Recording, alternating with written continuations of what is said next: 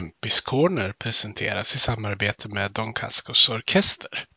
Bandet du inte visste att du älskade.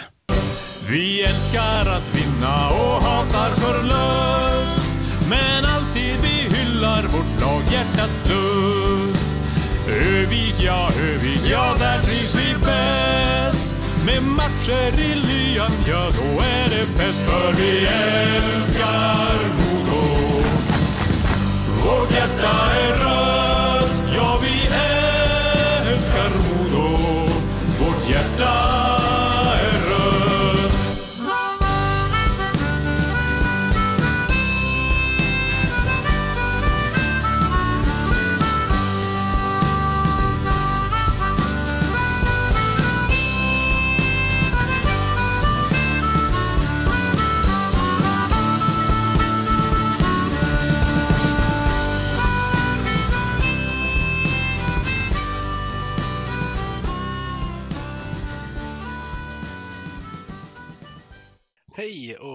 välkomna ska ni vara till Kempis Corner. Det här är det 34 avsnittet i ordningen och det är som vanligt med mig Peter Kempe och eh, som min gäst idag har jag Modos eh, succémålvakt får man väl ändå säga Tex Williamson. Stort tack för att du vill vara med i podden Tex. Tack själv för att du vill ha med mig. Jag brukar göra som så att jag eh, startar den här podden med att ställa två frågor till mina gäster. Eh, Den Mm. första första frågan jag brukar ställa är vilken anknytning har du till Modo?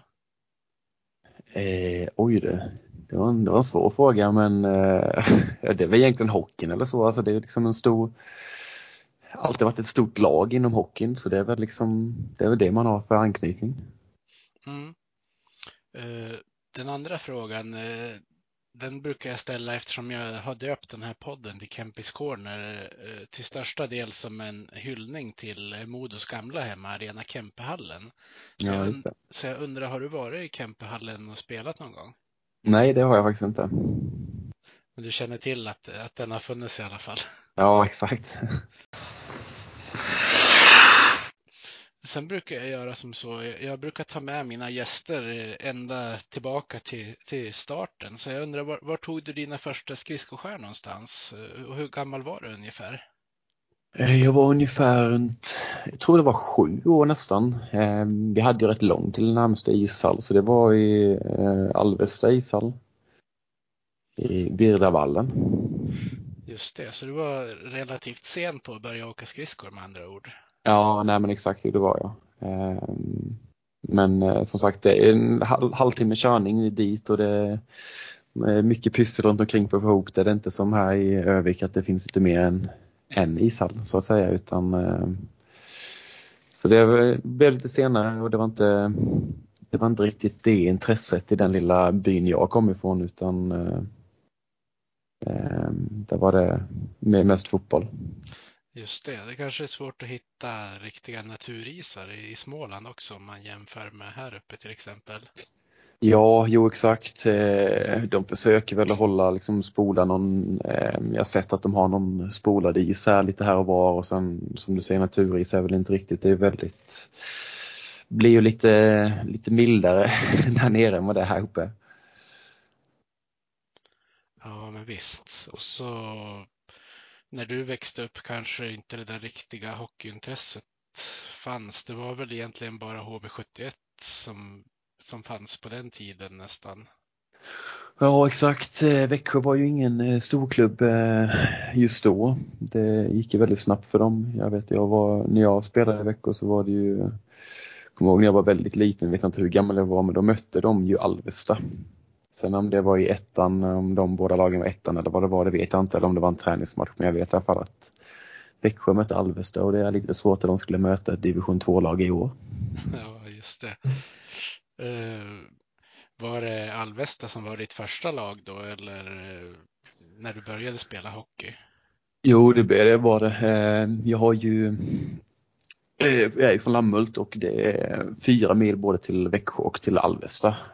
Och Alves, eh, äh, Alvesta var det ju, tror vi var kanske 15-20 min årskull då som spelade. Och i Växjö tror jag det var 60. Så då var det eh, Alvesta till en början innan jag gick till Växjö. Och sen när man blev lite äldre när det började bli att ja, men man fick välja lite sport. Utan man hade inte tid att göra båda grejerna utan då var det liksom antingen hockey eller som var fotboll eller vad man nu, det var ju de två sporten jag framförallt höll på med. Men eh, och då blev det lite, var det lite mer seriöst i Växjö eller så när de hade lite större, större liksom lag och eller en större förening överlag.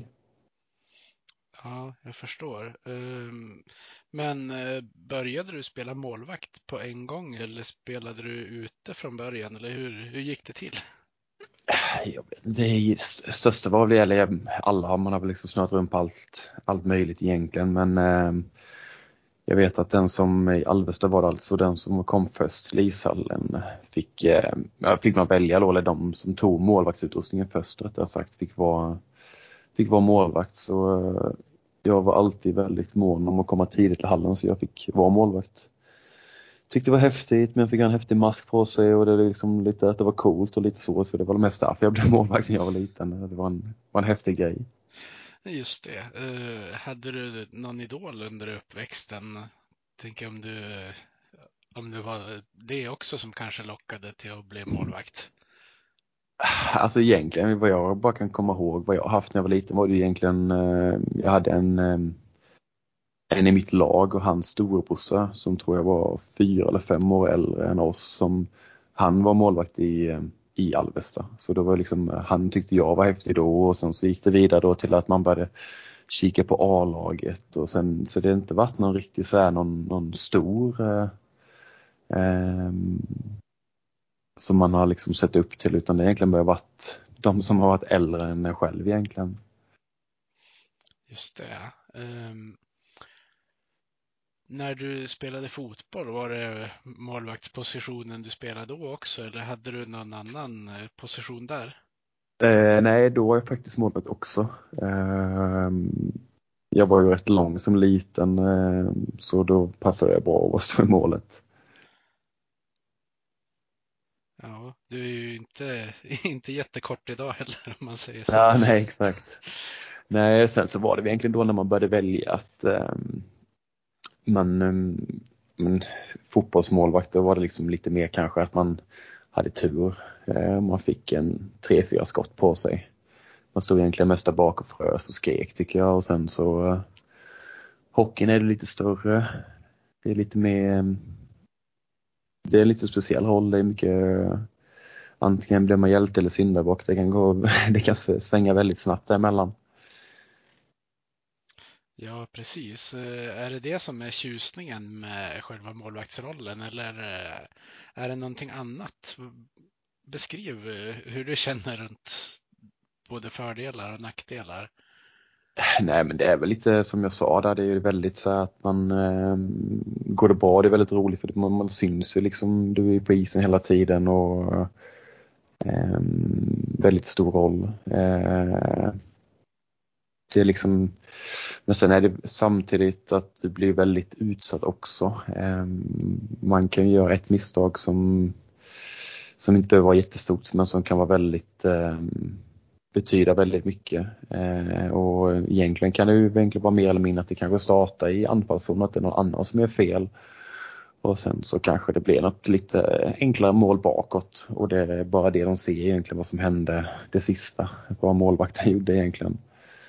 Men eh, absolut, det är väl egentligen det som är charmen, att det väldigt eh, kan gå från hjälte till syndabock och från syndabock till hjälte också. Så. Ja, eh, jag har ju haft eh, dels eh, Isak Wallin som gäst i podden tidigare, men också Anton Forsberg. De har varit inne lite grann på också att tjusningen kanske är lite grann att eh, man är inte i kontroll hela tiden utan man får reagera på vad andra gör. Är det någonting som du har tänkt på också? Ja, alltså så är det ju absolut och det, det är det verkligen. Det, man kan inte, du har inte, du har inte så jättestor yta på eh, att röra dig på som de andra resten av laget har utan det är väldigt läsa mycket spel och som du säger reagera och absolut, absolut. Kan jag hålla, verkligen hålla med om. Ja. Eh, när man eh, spelar en, en hockeymatch som, eh, ja men, säg eh, när du var i Leksand och mötte Mora eller om du när du var i, när du är i Modo och möter Björklöven och spelet är på andra sidan. Är, är det lätt att fokusera på hockeyn eller kanske tänker man lite grann på stämningen på läktaren och inramningen också när man står där? Nej, jag, jag skulle nog säga det spelar egentligen ingen roll alltså vilken eh, vilken match och vilket lag det är man möts egentligen. Alltså de första, jag kan känna att oavsett vad du gör för förberedelse innan så är det alltid typ att ja, men de två första minuterna innan man liksom man bör, innan man börjar zona in i matchen om man ska säga. Att man börjar släppa allting runt omkring och vad det är. Och sen är det självklart att man kan ta in vissa saker och så men oftast är det väldigt så lite att du kommer liksom in i den här matchbubblan och sen är det, kan du ju ta med dig som du säger när vi, där Leksand när vi skulle kvala för SHL-platsen och eh, det var ju alltså jättemäktigt och det var likadant när vi både mötte Björklöven både här hemma och borta nu när det är liksom fullsatt arena. Det, det är magiskt men det blir fortfarande inte att man eh, jag skulle nog säga att det är liksom mer innan hela mm, folket och liksom alla snackar om det och eh, ja, men hur mycket folk det är på innan på, på värmningen och innan, innan matchen ska börja. Men sen så går det väldigt snabbt innan du, du liksom kommer in i den här matchbubblan och inte allt annat försvinner lite. Så när du står där på line-up och de ropar ditt namn och hela arenan klappar med, då har du gått in i zonen redan? Nej, nej, nej. Jag skulle säga liksom när matchen har varit igång två minuter, då är när jag står, man står där på ska line-upen, då är, känner, ska jag vara helt ärlig, känner mig fortfarande så här, så här halvskakig, benen är lite darriga och man är liksom lite, lite pirrig liksom hela kroppen och som, alltså som det ska vara.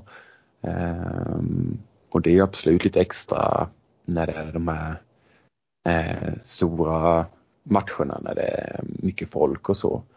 Men sen när du väl kommit in i matchen där, alltså, ja, men en till två minuter, liksom då, då börjar man zona bort lite från allt det andra. Eh, det enda man tycker är mest jobbigt är att liksom man, inte, man inte kan skrika, alltså inte hör vad man skriker på planen istället. Just det. ja, det, det, kan jag tänka mig kan vara lite jobbigt om man behöver ro, ropa ut något direktiv sådär. Exakt, exakt. Eh, jag, jag kom att tänka på eh, en grej. Ehm, både du och Henrik Tikkanen är ju rätt så långa målvakter. Eh, är det någon av backarna som har tagit burskydd som har behövt ropa åt er att ducka så de ser vad som händer? Nej, det är faktiskt inte. Jag vet att det har varit något lag att de har sagt till mig att jag skulle försöka böja mig ner så att de kunde se över. Men eh, den, den har inte haft det spelsystemet riktigt så att det behövs utan de vill att vi ska vända upp snabbt så då kan de inte stå där bakom och såsa så det är väl bara bra. Ja, eh, jag tror det var borta i NHL de hade fångat upp något sånt där. Jag tror det var Ben Bishop som stod då. Han är också rätt lång. Ja, precis. Ja, jag tror jag sett, jag hört också, eller sett det klippet när han står och skriker på att han ska ducka. Ja. Exakt. Ja. Eh, men eh, om vi ska återgå till din hockeykarriär lite grann. Du, mm. du började ju ja men, ska man säga, elitsatsningen i, i Växjös juniorlag. Kan du inte berätta mm. lite grann om din tid eh, i föreningen? Eh, det var en väldigt, eh, ja men, det var ett lag som ville, ville ta sig uppåt liksom i, i hockey-Sverige och eh, ska jag vara helt ärlig, just då, den tiden jag var där var nog juniorerna rätt lite i lite i kläm. Ehm, det var mycket satsande på A-laget för att ta sig upp och då är det inte alltid lätt att, bygga något från det, alltså från det egna ledet. Ehm, jag vet, kan inte påstå att jag riktigt vet hur det ser ut i Växjö idag men de får ju liksom en superelitplats när man spelar SHL. Men ehm, Eh, ja, men, jag hade liksom en målvaktstränare som var med både J18 och J20 som fick jobba mycket. Eh, det var Masken som har även varit här i Modo eh, som kom in där rätt sent när jag var där i J18.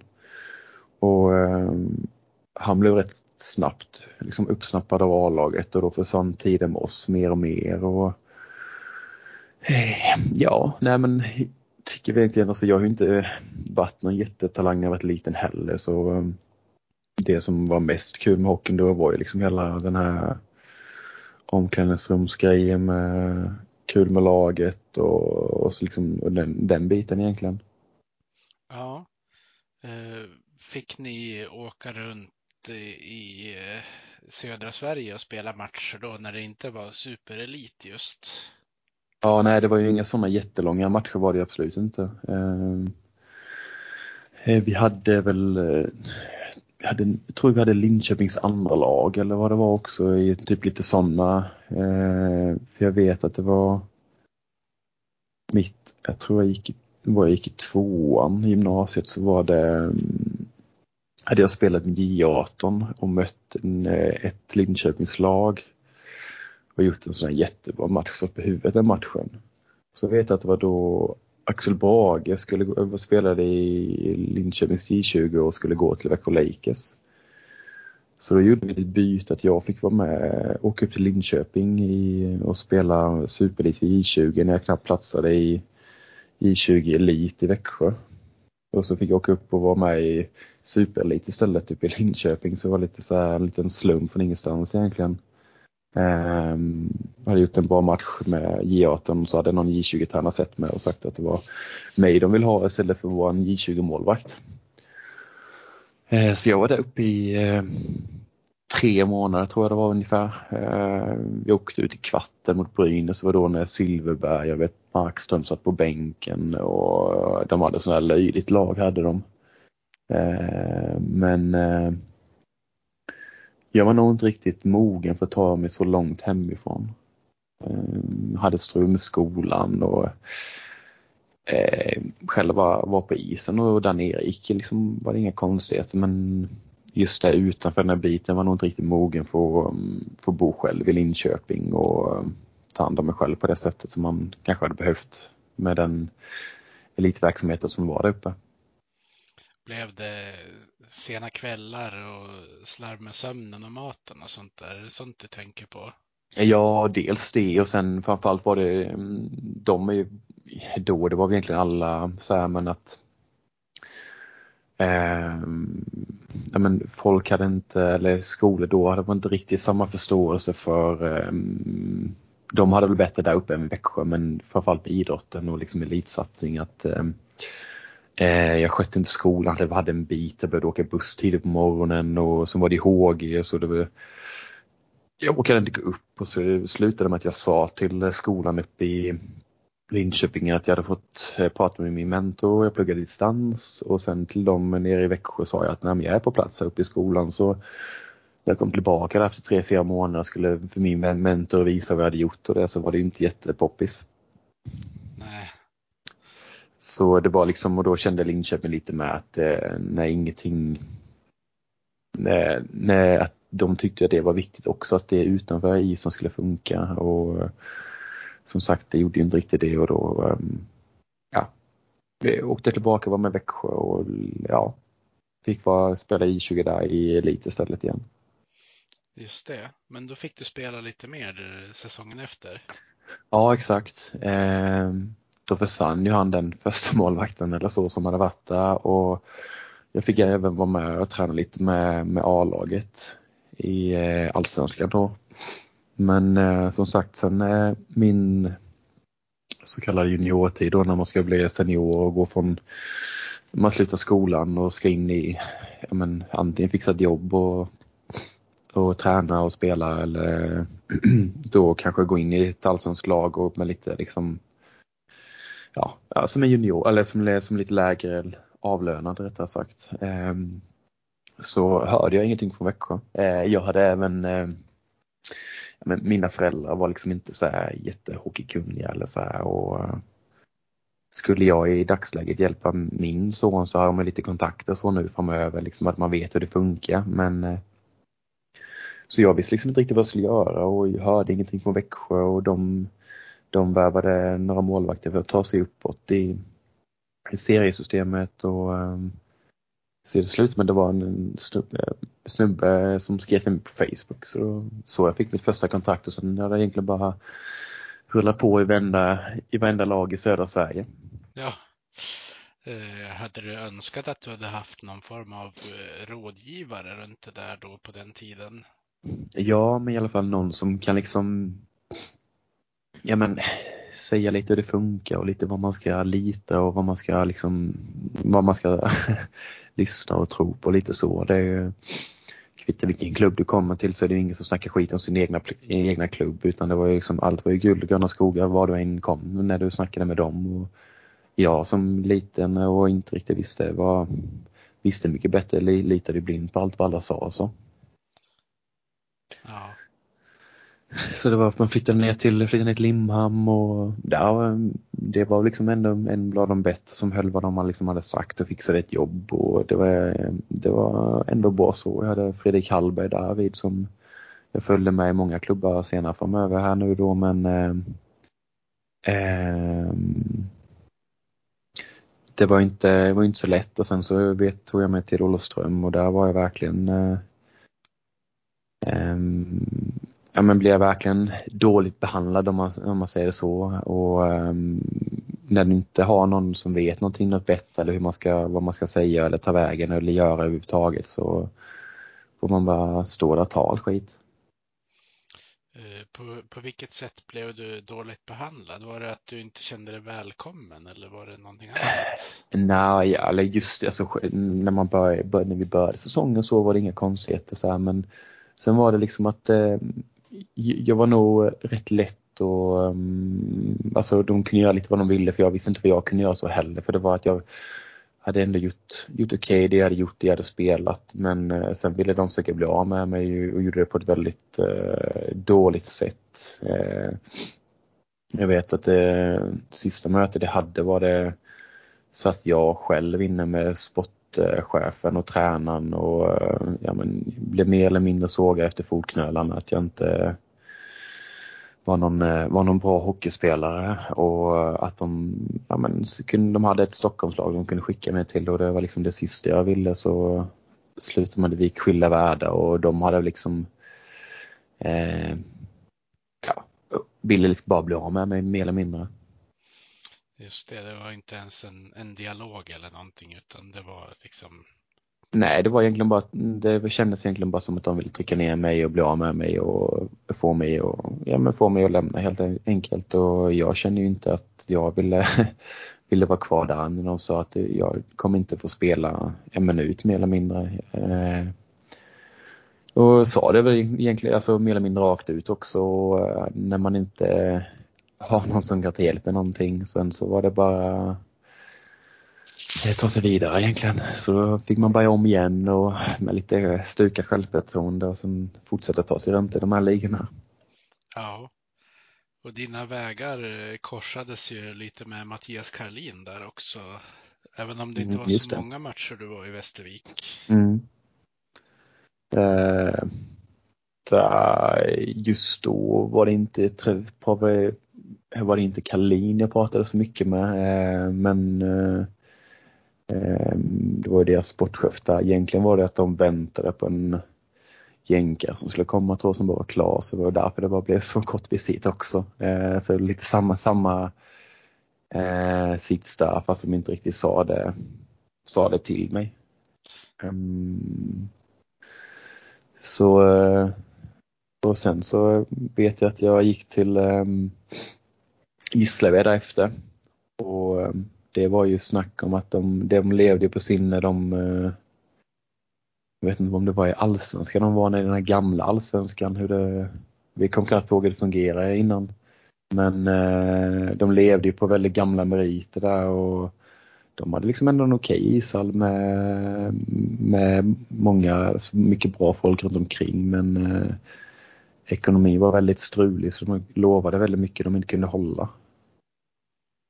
Eh, och det är ju svårt i de här mindre klubbarna, det förstår jag ju med. Men eh, då är det bättre att säga, säga som det är helt enkelt. Ja, precis. Man kanske får bättre förutsättningar att spela även om en del villkor kanske inte är vad de har lovat från början. Nej, men exakt. Nej, och sen har det kom knappt ihåg hur jag fick, fick mitt kontrakt i Tyringe faktiskt om jag ska vara helt ärlig nu men eh, det var egentligen där det började ta fart och Tyringe då vet jag, jag tror vi hade ett eh, vad kan vi haft? Ett snitt på typ 900 eller någonting nästan på hemmamatcherna. Det har ju varit ett topplag i tvåan i eh, många herrans år och verkligen eh, alltså jättebra rykte i division 2 liksom i den eh, så eh, jag tyckte det var jättekul och liksom stort att komma dit. Jag hade mött dem många gånger och det var alltid liksom Tyringen var i toppen och uh, tyckte det var, det var skitkul att komma dit. Uh, och där tror jag gjorde lite med, med att det var så mycket skriverier och att de egna supportrar och allting la ut mycket om, ja, men om sin klubb och sina, sina spelare som att folk började få upp lite ögon för mig också. Ja, eh, var det där du började med att använda lite oortodoxa målvaktsnummer eller hade du börjat med det tidigare? eh, ja, det var, där hade jag, eh, hade jag nummer sex, vet jag precis. Men jag hade nog haft lite småkonstiga innan också, men eh, det var väl framförallt, eh, där körde de ju eh, eh, lite ramsa om det med mitt nummer och jag tyckte det var roligt och så, så det var egentligen mer bara en, en rolig grej. Ja. Eh, sen har du ju haft, eh, vad är det, nummer 69 i Pantern och nummer 66 mm. i Oskarshamn bland annat. Yes, det var ju Dalrot som hade min, eh, jag, jag vill ju gärna ha sexan men Dalrot är ju ett steg före mig hela tiden. ja.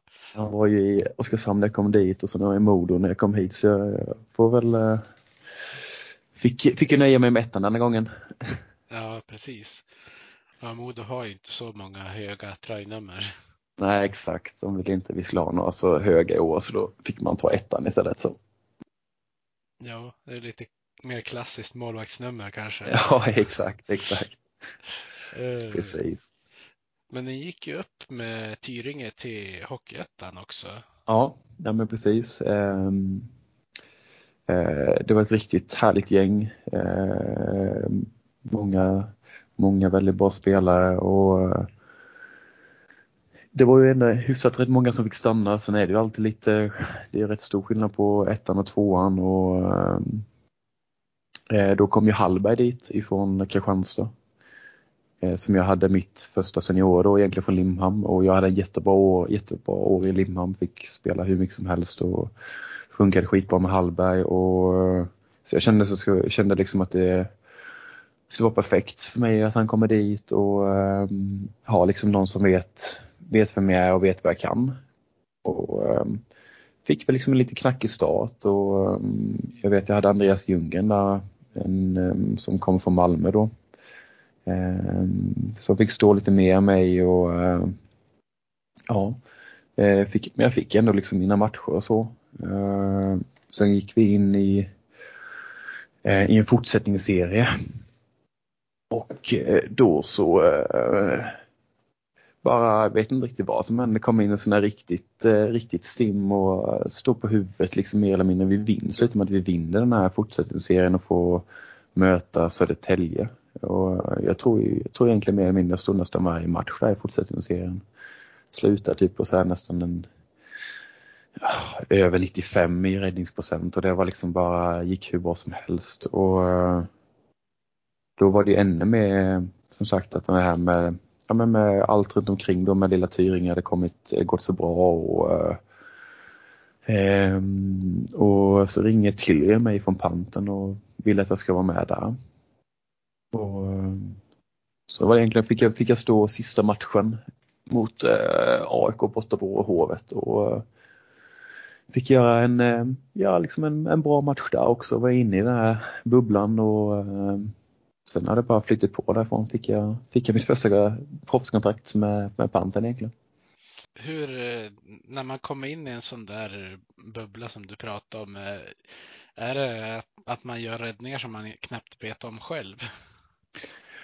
Mm, nej, egentligen är det nog mer med att man skapar ett, eh, ett lugn och lite så, både för dig själv och för laget och det blir ju liksom det är väl egentligen ett rätt bra exempel på hur det går för Modo nu. Vi kanske inte gör några jättebra matcher alltid men vi, vi lyckas vinna, det studsar lite med oss och eh, det kan vara likadant som spelare som målvakt liksom att du, du har ett lugn och du kanske liksom inte stressar upp dig och att du vissa puckar som, ja men sen klart det kan vara så med liksom att man får, eh, man räddar puckar som man knappt vet av själv men det kan man göra även om man är en dålig bubbla med. Men nu känns det som att de här eh, det går lite mer inte för att det är stolpe ut istället för stolpe in men lite det, alltså den, den klyschan om man säger så att man är det är liksom det rullar på och man har bra, bra självförtroende och bra förtroende från folket runt omkring och liksom att man ja, det går egentligen helt, helt enkelt bra.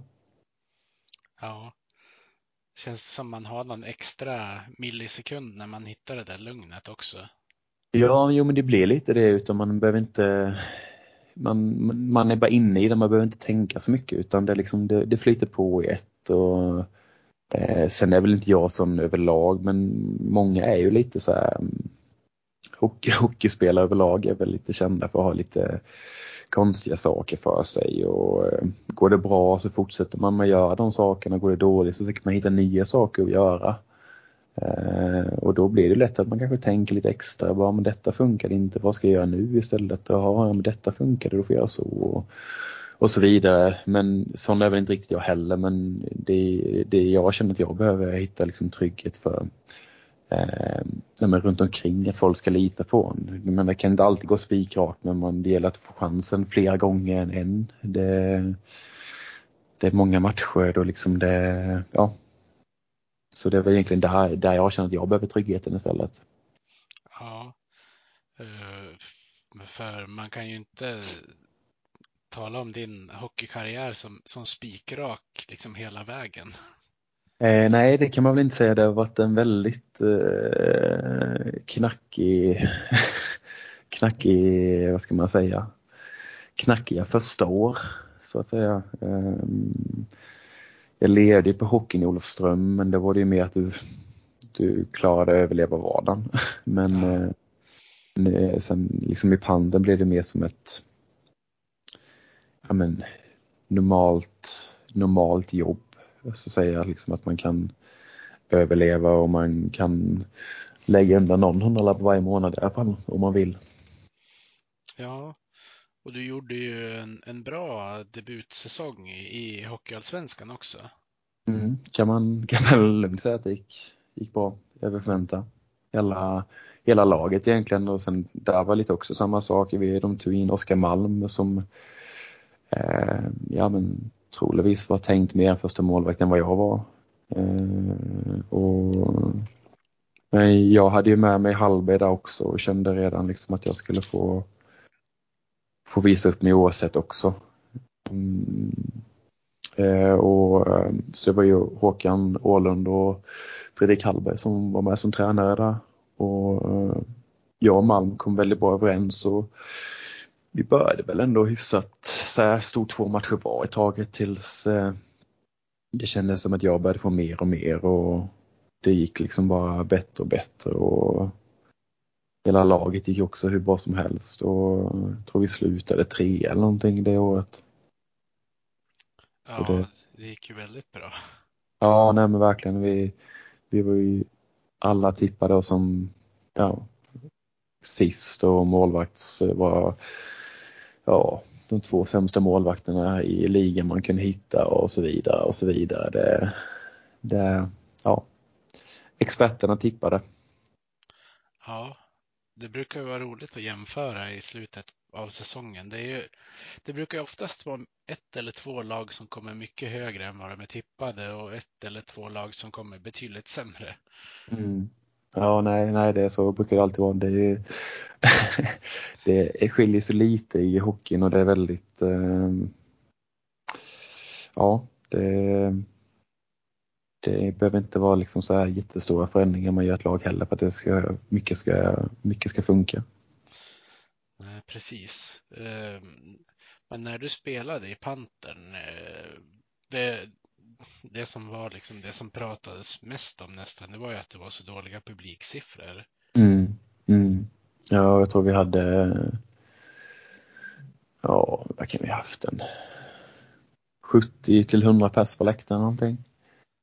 Jag vet att jag, jag bodde ju, ja, jag bodde kanske fem minuter gång ifrån stadion där vi spelade liksom våra hemmamatcher och träffade på någon i tvättstugan en gång som jag hade råkat ta hennes tvätttid och så bad jag om ursäkt så pratade vi lite och så frågade hon vad jag gjorde och så här och sa att jag spelade hockey i, i Panten. Hon hade aldrig, aldrig hört talas om Panten och visste inte vad det var. Och så sa hon, men vi spelar borta i stadion. Men då sa hon, men, men vad spelar Malmö då? Och jag bara, men de är ju i arenan. Men tränar inte de där borta då? Jag bara, nej det är, det är vi som gör det. Jaha, ja men då ser man. Ja. Så det, folk hade liksom ingen, ingen koll och riktigt vad det, vad Panten var då. Nej, ändå har ju Pantern funnits ganska länge. Mm, ja, exakt. Ja, de har väl funnits längre än Malmö tror jag. Bildad 1959. Jag var tvungen att gå in på Wikipedia och kolla. ja, precis. Nej, så det är verkligen jättelänge. Eh, men eh, ja, de har hållit sig sina lite i skymundan i de lägre divisionerna. Ja, precis. Och när du hade spelat där, då, då hamnade du i Malmö också. Mm. Hur, hur gick mm. det till när du blev värvad dit? Eh, det var det egentligen Andreas som jag har nu som eh, jag hade en dialog med som eh, var i Malmö då. Och ehm, jag kommer inte ihåg vilka lag det var jag snackade med, det var Malmö och två lag till. Men...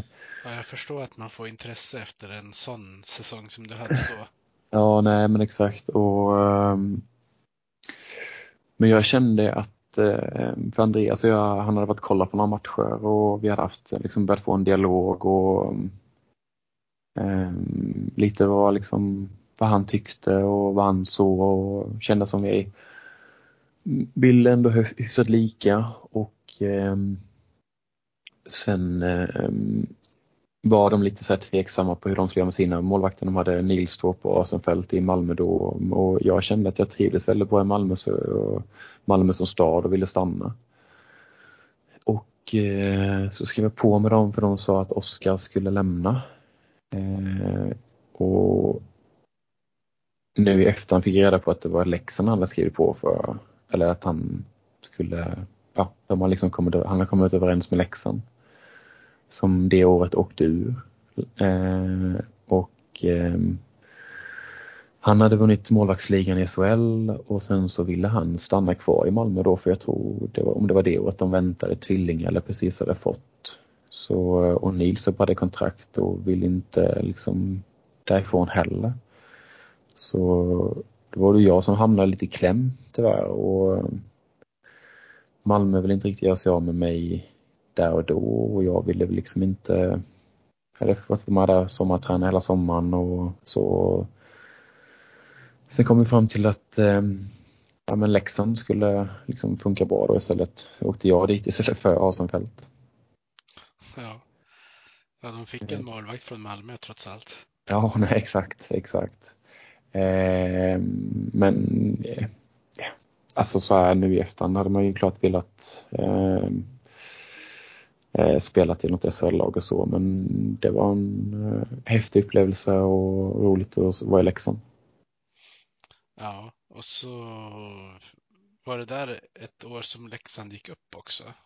Nej, vi var ju, vi kvalade, det var ju då vi fick vi kvala mot Mora och vi vann första matchen, jag tror faktiskt vi förlorade fyra raka efter det så de behöll sin plats. Ja, just det. det, det det har ju varit mycket ett jojo-lag Leksand, ja, så det är svårt exakt. att hålla koll på alla år de går upp. Ja, exakt, ja, exakt. Jag tror faktiskt de gick upp året efter, tror jag då. Ja. Mot Mora då med. Eller att de slog ut Mora den gången då. Ja, precis. Sen har de ju ändå lyckats hålla sig kvar ett tag nu i högsta ligan. Exakt, exakt. Man vet ju inte hur det hade slutat det året som coronan drog över världen. Nej, nej precis. Nej, det får man alltid. Många är nog väldigt arga och många är nog väldigt glada. Ja. Eh, men just där och då så var det ju eh, ja, väldigt oklart vad som skulle hända. Så man förstår ju att sport inte var någonting man prioriterade på den Nej, tiden. Precis. precis, precis. Eh, men efter att du hade spelat den där säsongen i Leksand så hamnade du i Tingsryd. Mm. Precis. Klassiska Dackehallen. Exakt, exakt. Ja, nej, det var också lite, där började väl egentligen inte med att man var lite så här, men var nog lite besviken, lite arg och lite att eh, Malmö drog ut på det, Leksand ville behålla mig, Eh, jag ville stanna i Leksand och eh, eller ja, jag, jag kan inte veta exakt men det var vad Leksand sa i alla fall. Eh, men det drog på tiden väldigt länge med Malmö hur de skulle göra och vem de skulle göra sig av med och sånt. Och, sånt. och sen slutade med att det fanns inte jättemycket att välja på. Jag tror jag hade Björklöven jag pratade lite med som var intresserade och eh, två lag till och um, sen var det lite som agenten sa, eller när jag, då en, um, jag hamnade i den sitsen lite, lite kläm då igen mellan ehm, um, Asenfelt och Nilstorp och där de två toppmålvakter i SHL och som satt på väldigt bra kontrakt som inte man bara kan köpa ut smidigt så heller. Och, um, det var väl inget riktigt um, SHL-lag som behövde några, någon målvakt vid den tidfär, alltså tidpunkten heller så sent in på säsongen. Eh, för jag trodde ändå, levde länge på att jag skulle vara, vara i Malmö mitt andra år. Eh, och eh, då kände jag, för då hade vi, jag och min sambo skaffat hus i Lammhult och eh, jag kände att det skulle vara skönt att vara, vara lite på hemmaplan ett år och, eh, och, och bo i huset lite, det som vi hade köpt och sen pendla till Tingsryd. Så eh, det blev en, en säsong där. Ja. Uh, hur trivdes du där då? Jag trivdes faktiskt jättebra i laget. Jag är en liten bonde i sig från Lammhult så det var liksom det var lite den jargongen där också.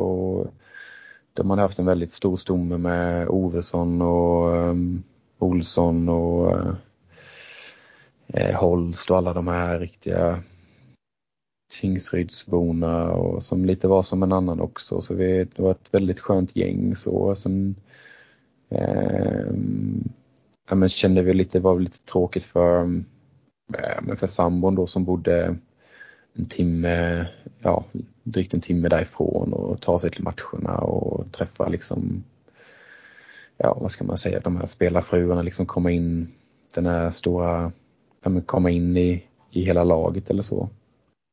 Um, så det var liksom lite de bitarna som, ja också att det inte blev, blev där och sen när man fick eh, SHL istället som lockade, lockade mer. Ja, Oskarshamn, eh, när du gick dit så fick mm. du väl en liten taskig uppgift att försöka ersätta Rifalk som hade varit så populär där året innan. Mm. Ja, nej men precis. Eh, det var jättestruligt och när jag fick höra det så ringde jag faktiskt både Håkan och Hallberg där igen. Så man, eh, eh, så jag ringde dem och frågade hur det låg till och ja, de, de hade ju kommit längre i processen än vad det stod liksom var ja, men vad det var liksom Rifak var ju, var ju inte att räkna med. Han hade redan de hade redan räknat bort honom och jag sa att jag gärna vill komma dit och de tyckte, de ville jättegärna ha mig så det var egentligen så det, processen började och så fick agenten ta över och göra resten av jobbet. Ja. Och där spelade du ju med, med ett gäng som finns i, i årets Modo också. Mm. Mm. Uh, och jag tänker på bland annat, eller bland annat ska jag väl inte säga, jag tänker på Dalrot, Modigs, Wahlberg, Svenningsson och Nässén. Mm. Precis, precis. Eh, det var ett väldigt mm, stökigt första år. Eh,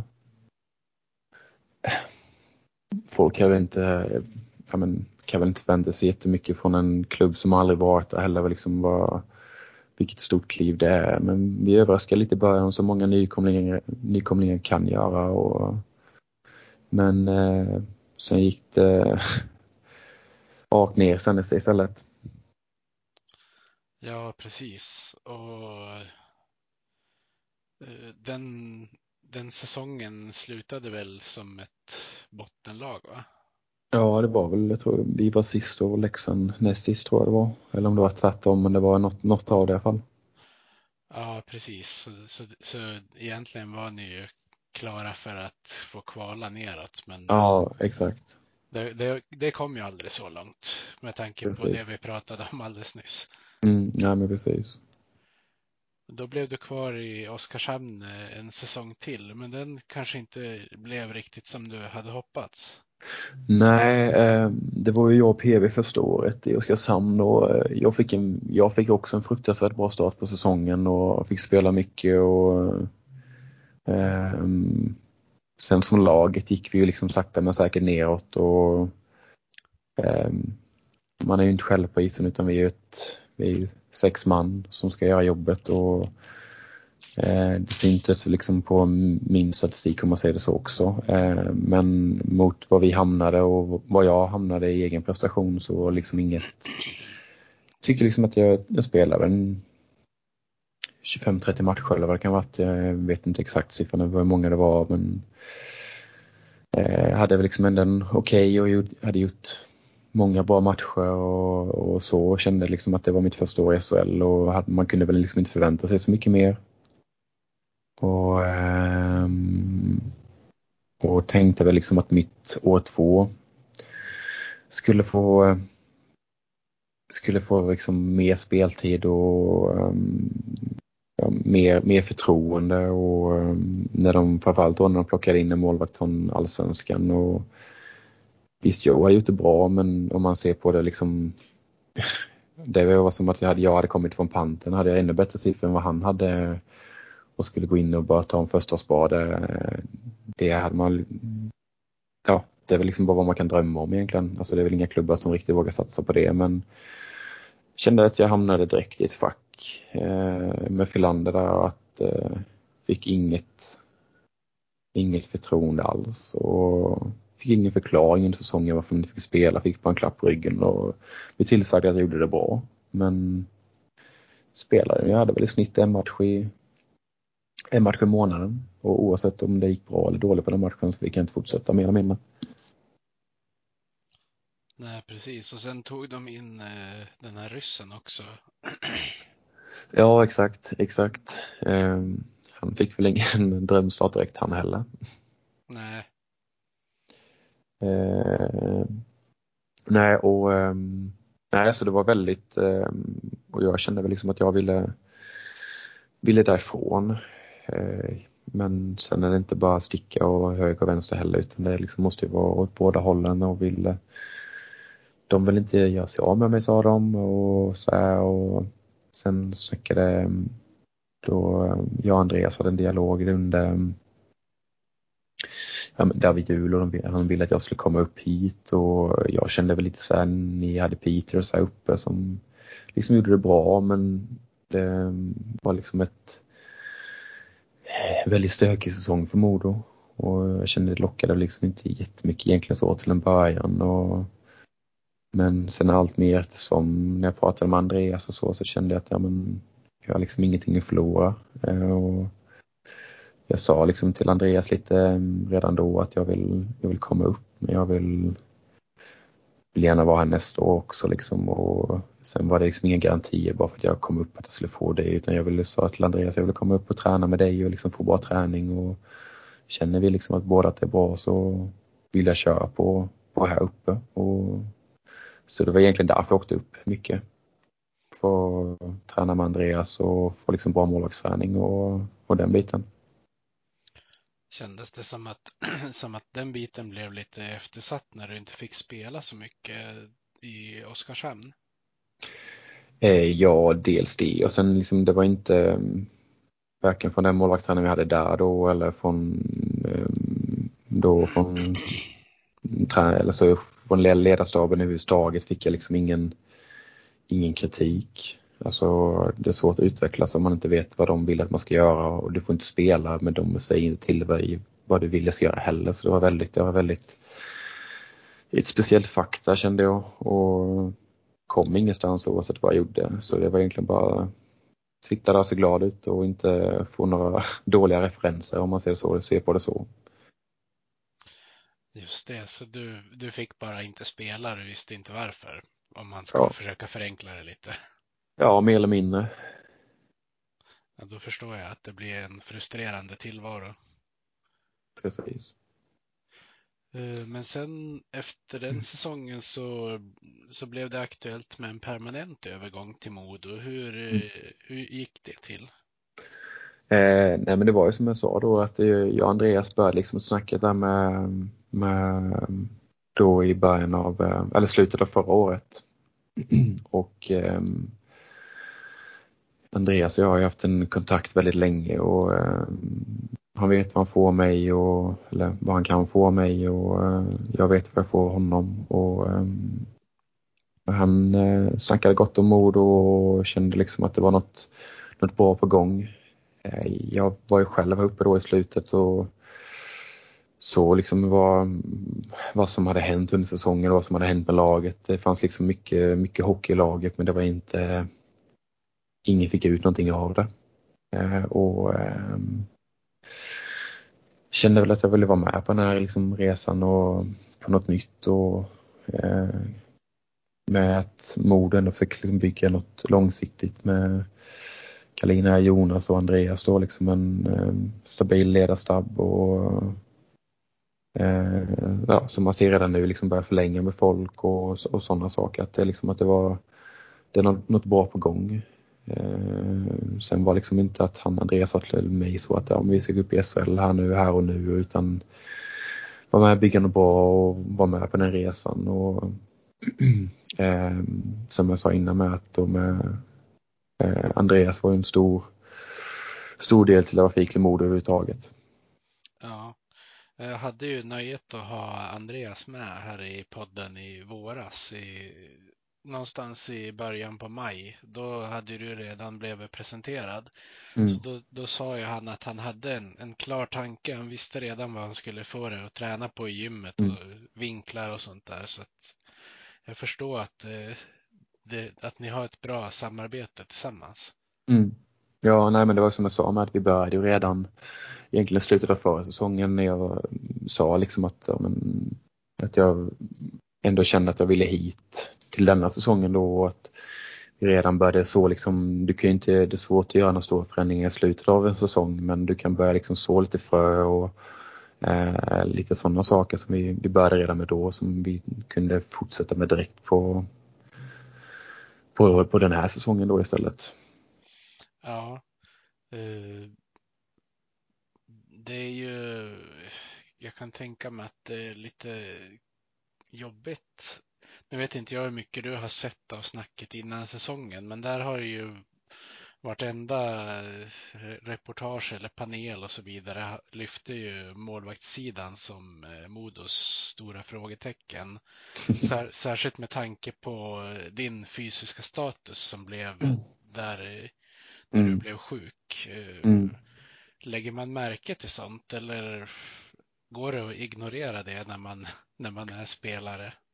Eh, ska jag vara helt ärlig så eh, ja, jag, har lite svårt att se sånt. Jag får, får nog mer höra det från min mamma i så fall om det är någonting men eh, eh, jag har ju inte jättemycket sociala medier. Jag har väl liksom min Facebook för att ha lite småkontakt med några hemifrån annars har jag inte jag mycket mer. Jag, eh, men jag hörde ju absolut lite snack runt omkring att det var ett, eh, ett stort frågetecken även innan jag var sjuk och så också liksom att jag inte hade spelat så mycket och så vidare och eh, då för säsongen innan. Men eh, om man ändå ser till på vad jag gjort de här, ja vad kan det vara, är det, fyra åren eh, i allsvenskan så vet jag att jag håller en hög klass i allsvenskan och jag vet vad jag kan och eh, så jag eh, var väl liksom inte direkt orolig för, för vad jag skulle kunna utan Sen kan jag väl liksom inte påstå att jag kom, kom till Modo och slutade säsongen av förra säsongen och gjorde några stora avtryck så utan eh,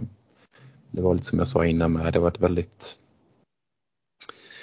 eh, ett lag som Eh, eller en förening eller vad ska man säga som försökte egentligen släcka bränder kändes det som. Och eh, då var det svårt att göra något bra eh, utav det eh, överhuvudtaget. Men eh, jag kan inte påstå att jag var direkt orolig för det. Nej, och sen är det väl väldigt svårt kan jag tänka mig att komma in som ny målvakt i ett lag som har ett försvar som inte fungerar. För det måste man ju säga att så var det i Modo i fjol. Mm, ja, nej, precis. precis. Eh, men eh, hur, eh, jag har ju förstått att du hade svårt att ta dig tillbaka efter att du hade fått covid. Kan du inte berätta lite grann om, om det?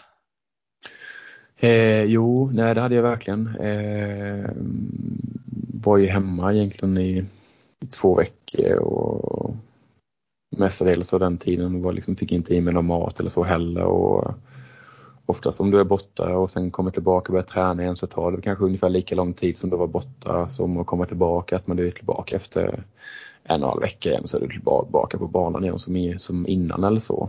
Eh, men eh, det var lite skillnad. Jag kunde liksom inte, orkade ingenting. Jag var allmänt trött och jag hade liksom två pingislungor och kunde sätta mig på cykeln en liten stund och var helt, var helt slut. Så eh, det var en jätte, jätteuppförsbacke. Eh, sen det som var skönt tror jag, som stor grej till ändå att jag kom tillbaka hyfsat snabbt var att eh, vår fystränare Jocke eh, hade ändå haft det innan. Det, det, är svårt att sätta sig in i den här situationen för innan har jag känt nästan själv att när man har pratat med folk som har haft det, som har haft alla olika, möjliga olika, allt från tappa lukt bara till att vara jättedålig, att man, man kan inte riktigt förstå hur det är efter. Utan eh, man har känt lite att det, det är väl inte så jävla jobbigt, jag vill bara börja träna igen men det var inte så jävla enkelt. Eh, komma tillbaka eh, så snabbt som jag ville. Eh, och Sen är det också att eh, ja, men kroppen i sig utan det var liksom muskler och allt sånt här man behövde komma tillbaka, få tillbaka med och det var lite därför det blev lite bakslag och, och så också efter. Eh, det var lite, ibland kändes det bra, ibland var det dåligt. Ja.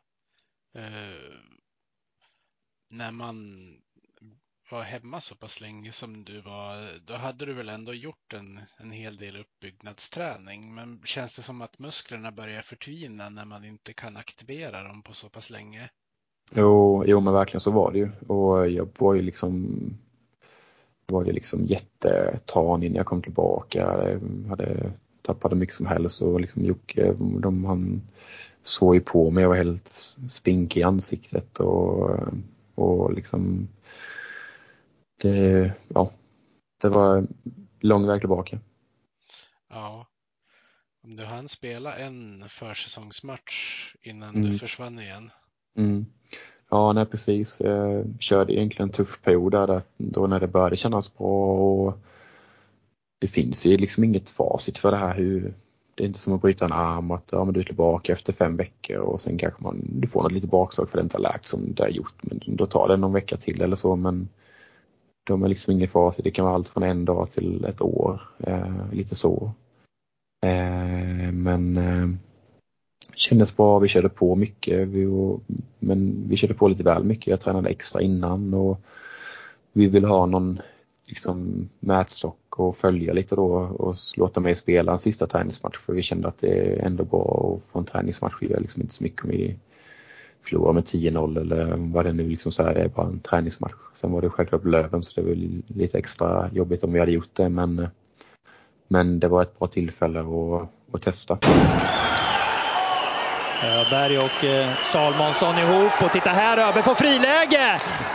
Och Williamson plockar pucken! Ja, det är en briljant räddning.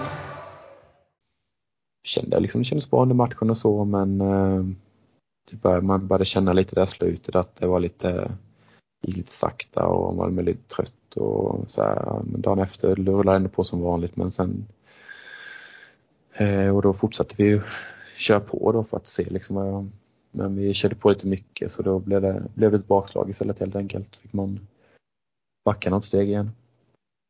Ja, det kan jag tänka mig måste vara frustrerande. Särskilt när det ändå gick så pass bra som det gjorde för dig på den matchen. Mm. Ja, nej men verkligen. Och ehm, då började man känna lite men eh, Isak hamnade i en liten dum situation istället tycker jag. Och det blev liksom lite som du säger, ett, lite press utifrån kan jag tänka mig då på klubben och ledarna och så här, och Gradin då på att vad, vad gör vi nu liksom? När, när text tillbaka och vad händer och så? Så tog de in en till målvakt istället. Mm. Ja, precis. Först eh, lånade de in eh, Viktor Rönnqvist till premiären och sen så småningom så kom ju Henrik Tikkanen in också. Mm, mm, precis. Eh, hur funkar ert samarbete? Eh, nej, men det, det funkar bra. Eh, sen är det liksom mm, Eh, jag har jättebra dialog med både Isak och Tikkanen så, så det är liksom inget eh, eh, det är sällan jag inte kommer överens med målvakterna tycker jag. Eh, jag har inte mycket konstiga saker för mig faktiskt så det Går det bra för dem så går det ofta bra för laget så det, det är det som är det viktiga egentligen. Ja, Uh, annars brukar, det, brukar man ju säga att det krävs en speciell typ av människa för att bli eh, just hockeymålvakt. ja, exakt. Vi blir på... ja, nej, det, det brukar många säga. Men i detta fallet så är det Andreas som är speciell tycker jag. Det är han som är den speciella i, i lag, eller målvakts, målvaktsstabben om man säger så. Ja, eh, sen fick jag en bra kommentar på det där från Linus Ullmark i somras. Eh, han sa, vem är det som är konstig egentligen? Han som stoppar puckar med utrustning som är gjord för det eller han som försöker stoppa pucken innan den killen stoppar den? Exakt, nej, Ullmark brukar ha många bra saker att komma med faktiskt, så det, det kan jag bara instämma med. Ja. Eh, men eh, om vi ska snacka upp din, din start på säsongen hittills. Eh, du har ju haft väldigt bra siffror och gjort många bra och avgörande räddningar måste man ju säga. Hur, hur tycker du att det har gått? Uh, kanske en dum fråga, men jag vet inte hur jag ska ställa den på ett bättre sätt. Nej, precis. Eh, nej, men det är, det är väl också liksom, jag känner att jag hade mycket, mycket revansch att hämta, både liksom från förra säsongen och liksom visa vad jag kan. Och, eh så det känns jätteskönt liksom, men, jag, jag, kan tänka mig både för laget och för klubben och allting men framförallt för mig själv med liksom, att få en, få en bra start på säsongen och visa, liksom visa vilk, vilken nivå jag fortfarande har, har i mig helt enkelt. Och, eh, eh sen kommer det, det kommer, man kommer dippa och toppa som alla lag och alla spelare har så men eh, jag tror det är viktigt för, för hela laget och det, jag vill ju liksom kunna hjälpa till så mycket som möjligt och eh, ibland har de laget, eller om man ser på det, utspelarna en bättre match och då behöver kanske inte jag göra så mycket och ibland behöver jag ha en bättre match när, när de har en sämre och det känns som att vi eh, i laget har klaffat, klaffat till rätt bra överlag. Eh, när vi kanske inte gjort de här bra matcherna så kanske en annan har fått steppa upp lite och när en annan inte gjort så bra matcher så har laget fått steppa upp lite om man, säger, om man, ser, om man kan säga det på, på, på ett sådant sätt. Persson och titta här på backhandläget och plocken från Williamson. Fint Karlskoga-spel. Det är Tavi som snuvas. Men det här är ligans bästa målvakt. Det var var väl många som var oroliga när du fick kliva av efter att ha fått den här pååkningen på, mm. på hemmaplan. Vad var det som, som hände egentligen? Eh, ja, nej precis. Eh, jag har ju haft, eh, jag har en historik för eh, hjärnskakning sedan innan. Eh, och eh, fick den smällen och det kändes liksom ändå okej okay till, en, till, en, liksom till en början och allt eftersom det började gå med, eh, det var ju egentligen fem minuter eh, powerplay vi fick så jag gjorde ju ingenting på de här fem minuterna kan man väl säga. Och sen när jag började väl få börja röra på mig och skutta runt där i målet så började jag känna liksom att jag började bli liksom lite illamående och det började bli lite, ehm, lite snurrigt och allt det här liksom att, eh, och jag kände att jag måste, måste kliva av, jag kan inte fortsätta chansa. Eh, och, ehm, eh, man blir alltid lite orolig när huvudet är liksom, ja, lite svårt att säga direkt vad det är med och ehm, vi tog det lite extra försiktigt då eftersom min historik eller så, så eh, det satt väl det mesta liksom i i, i nacke och i, i då den axeln som blev liksom pååkt eller så. Så eh, det var egentligen inga, inga konstigheter, det var bara en, eh, vad ska man säga, en säker, säkerhetsåtgärd. Just det. Eh, men du, du hoppade över någon match efter också? Ja, exakt. Det var, alltså, det var egentligen mer för att de ville jag skulle så man kan frånskilja liksom vad, vad huvudvärken, för jag hade konstant ont i huvudet i, vad, vad kan det varit, tre, fyra dagar eller så, men liksom vad du urskiljer så liksom att vad det, vad det kom ifrån så att säga. Ja, men jag förstår. Jag, jag stod i mål i fotboll ett tag själv och fick ett Mm. knä i nacken en gång och det, efter ett tag så kickade det lös ett ordentligt migränanfall. Så jag kan ju Ja. tänka mig att man kan få huvudvärk på flera olika sätt. Ja, nej men exakt. Och sen så fick jag ändå liksom känna och vara ute och gå och ut och röra på mig så att man eh, när du får hjärnskakning så, så blir det mer den här hjärntrötta, att du liksom, du orkar inte göra någonting, du, du klarar egentligen inte av att göra någonting eller så. Men då var det, nu var det egentligen mer bara att det var fruktansvärt illamående med för, på grund av sån huvudvärk. Ja, ja men då förstår jag att man, eh, att man tar det säkra före det osäkra så man inte ställer till med någonting. Ja, nej men precis. Så det var egentligen eh, därför. Det blev lite längre än, eh, än eh, vad som hade behövts. Ja, men det gick ju bra för laget ändå under tiden du Exakt, var borta. exakt. Precis. Eh, vad tror du det är som gör att ni är så bra på hemmaplan? Eh, ja du. Nej, sen är det ju alltid, alltså nu har det väl inte kanske varit riktigt så mycket publik som vi hoppas men det känns ändå liksom vi har alltid, alltid fans med oss här hemma men eh, annars liksom en speciell anledning det kan liksom inte riktigt eh, eh, inte för egen del kan jag påstå att det är något annat utöver det liksom speciellt. Eh, slippa den här bussen kanske i så fall. Ja,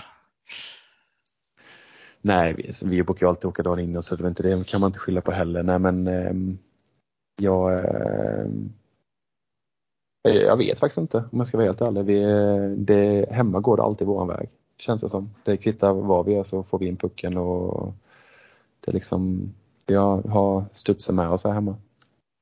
ja, det kanske är någon, någon grej som Mattias Karlin har gjort med, med rinken. Exakt, exakt. Det är inte omöjligt. Nej. Eh, men hur, hur trivs du i Övik? Du som inte har bott så långt norrut tidigare. Nej, exakt. Nej, det är väldigt, eh, det är lite ovant att inte ha eh, hjälp hemifrån. Vi har varit väldigt bortskämda, jag och min sambo, med att få hjälp från eh, eh, våra föräldrar och släkt och vänner hemma med, med barnpassning och allt vad det kan vara. Men eh, jag tycker vi börjar trivas bättre och bättre och det är väl liksom det man känner nu när man börjar komma till åren och familj, att det, liksom, det är viktigt att eh, familjen ska trivas och att en annan kan eh, trivas nere i hallen eller så. Ja, du har ju skrivit kontrakt över två säsonger nu. Mm. Om, om du fortfarande skulle trivas nästa år, är du öppen för att skriva ett längre kontrakt då? Förutsatt att både du och klubben vill samma väg och sådär. Ja, nej men precis. Jo, eh, det är liksom som jag sagt många eh, ja, men runt omkring som har frågat och så vidare och eh, det var likadant. Jag hade en dialog med agenten för ett tag sedan och jag känner liksom att jag inte är inte riktigt i det stadiet håller på att flytta runt längre utan eh, nu är det min fokus på Modo och sen vad man känner efter de här två säsongerna liksom att eh, kropp och kropp och knopp och åka med hockeyn och då känner jag liksom att eh, det finns det absolut. Det har jag inga, inga konstigheter att se att det skulle kunna bli någon förlängning i så fall. Nej, du är ju 30 nu och det är ju ingen ålder för en målvakt egentligen förutsatt att, att man inte går sönder på något sätt. Då. Ja, nej precis, precis. Eh, det är det absolut inte. Eh, känner mig fortfarande med 15-åring i huvudet så man, man blev väl aldrig vuxen. på gott och ont såklart. Exakt, exakt. Uh, har du några speciella rutiner för det när det är matchdag? Eh, nej, det har jag faktiskt inte, kan jag inte påstå. Uh, inget. Uh, jag har nog faktiskt inget roligt alls. Nej.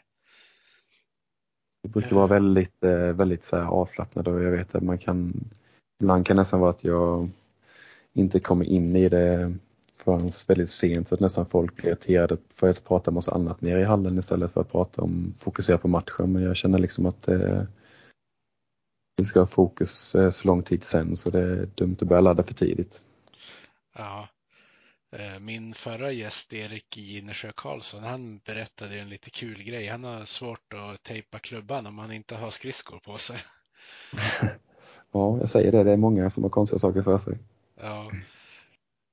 Eh, men vi måste ju snacka upp det kommande dubbelmötet med, mm. eller med ska jag väl inte säga, mot Björklöven. Eh, hur känner du inför det? Vad har du för förväntningar? Oh, jag hoppas att det blir lika häftig inramning som sist. Sen att vi kan göra en, två bra matcher istället för att vi ska tömma oss helt första. Men Nej, jag räknar med liksom med två tajta matcher med eh, härligt, härligt tryck på, på läktaren både borta och hemma. Så det, eh, jag tycker det, det är som sagt, eh, det är klart att det är häftigare att spela hemma men på bortaplan är det också roligt att höra dem skrika och flåsa och hur dålig och dum man är och så vidare. Så det, ja, det, ska bli, det ska bli häftigt och roligt. Ja, eh, vad, du stod ju eller startade ju hemmamatchen och fick hoppa in i bortamatchen. Mm. Uh, hur, hur känns det när man får komma in i ett sånt skede? Överlag är det väldigt svårt att um, hoppa in i en match måste jag säga. Det blir liksom um, men hela ens dag rätt annorlunda om man jämför mot om man ska spela.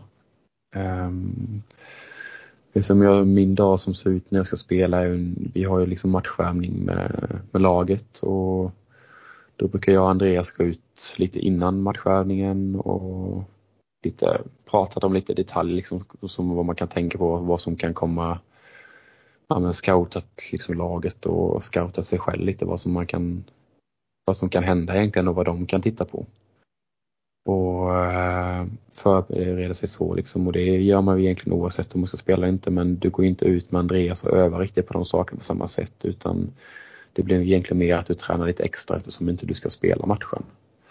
Och eh, då är det Ja men det blir att eh, man går ut och kör det med Andreas, kör lite efter om det är något man vill ha och sen käkar, gå hem och, liksom, och gör det man ska och sen kommer man ner till hallen och börjar kanske ja, men lite så här små, små vad, vad som kan komma skall och sen har man ju en längre is, isvärmning om man ska spela utan det är den som ska spela som styr egentligen vad man vill göra på isen. Eh, och den andra får ju bara hoppa in, ta lite ströskott här och där och stå de här fruktansvärt roliga straffarna. Ja. Uh, hur pass uh, får ni reda på vem som ska starta matchen? Eh, oftast är det dagen innan. Sen vet jag inte hur långt innan de har bestämt sig men jag brukar inte fråga mycket mer än dagen innan eller så liksom. En, eller kanske då om vi ska spela på onsdag och åka på tisdag så kanske jag fråga på måndagen eller liksom så. Men eh, eh, egentligen behöver inte jag veta mer än kvällen innan eller så om man ska spela spela eller inte. Just det, men det är bra att veta det under dagen i alla fall. Ja, nej, exakt, exakt.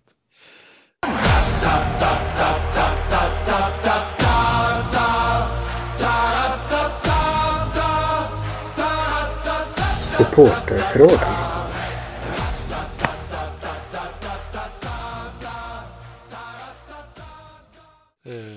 Fått lite supporterfrågor här också. Jag efterlyste lite grann. Eh, Marcus Törnqvist, han undrar om du kan tänka dig att stanna resten av karriären i Modo om man skulle vara överens om förlängningar av kontraktet?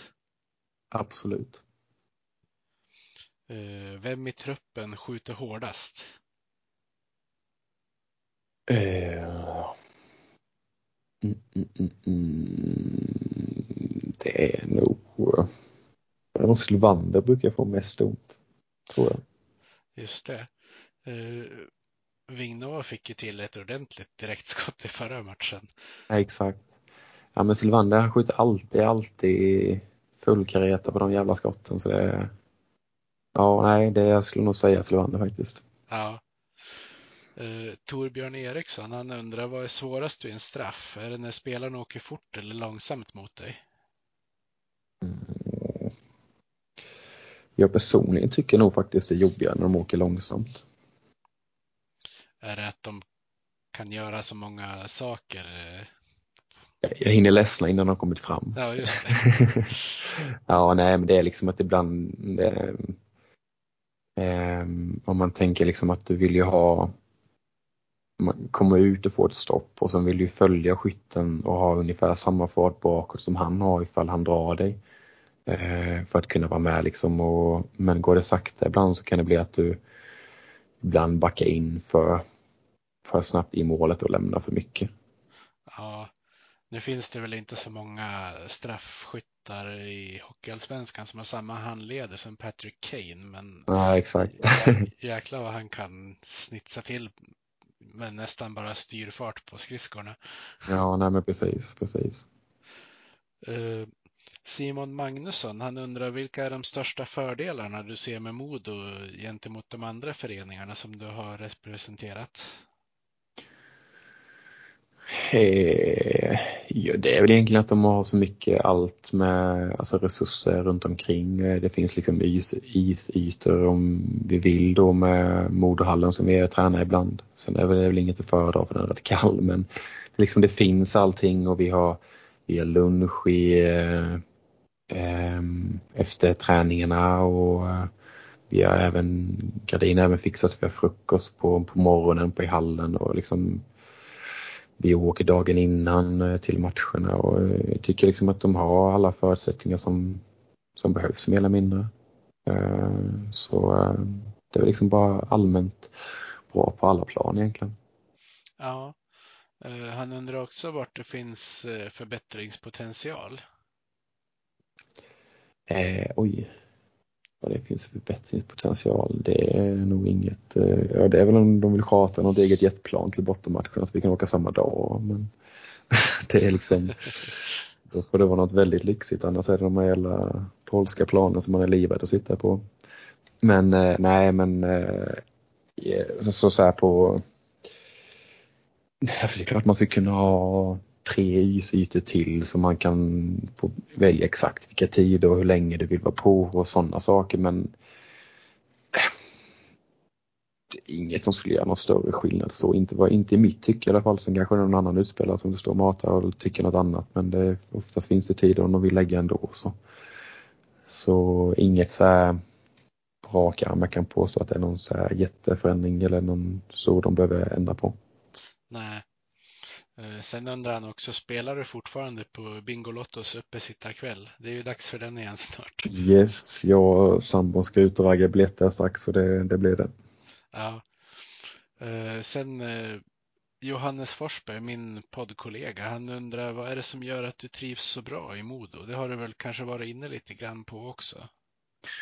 Ja, nej, men sen är det också liksom att det som jag sa här nyss då med att det är mycket bara runt omkring och om man bara jämför mot eh, liksom Oskarshamn har ju inte samma, samma som en SHL-förening som jag var i förra året. Som, de har inte samma som Modo har ens, liksom lika bra med allt runt omkring och ting. Så det var innan har absolut inte det. Men eh, så det är liksom att allting eh, funkar runt omkring och som jag sa innan med det viktiga, en stor del jag tycker liksom är så länge min eh, familj trivs med och jag träffar liksom alla nere i laget hela tiden och det är alltid några man kommer överens med och så här. Det är liksom vi, 25 killar där nere. Det är svårt att inte hitta någon man kommer överens med och så. så som hockeyspelare brukar det vara svårt att inte trivas i ett lag så. och Sen ska det ju, underlätta det ju alltid när det går, det går bra också.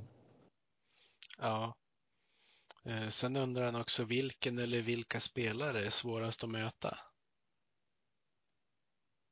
Oj. Eh, det var en bra fråga. Mm. Jag vet inte, det, det, var, det var nog mer, för mig är det liksom nog mer hur, eh, hur lag spelar skulle jag säga. Liksom, lite det som vi snackade om innan, att jag inte riktigt kan styra vad som händer. Eh, nu vill inte jag sitta och berätta alla mina svagheter men alltså liksom det lag som tar ut, alltså utnyttjar det, det är bra. Sen några det finns ju några liksom sådär lite småjobbiga möten som Fredrik Forsberg och Olle Lisse. Lite så här, lite som är lite luriga i sina skott och sådana men det är liksom inte inga som jag har några större problem med. Just det. Nej men det var alla frågor som jag hade till dig Tex. Så då får jag säga stort tack för att du ställde upp och var med i podden. Tack själv.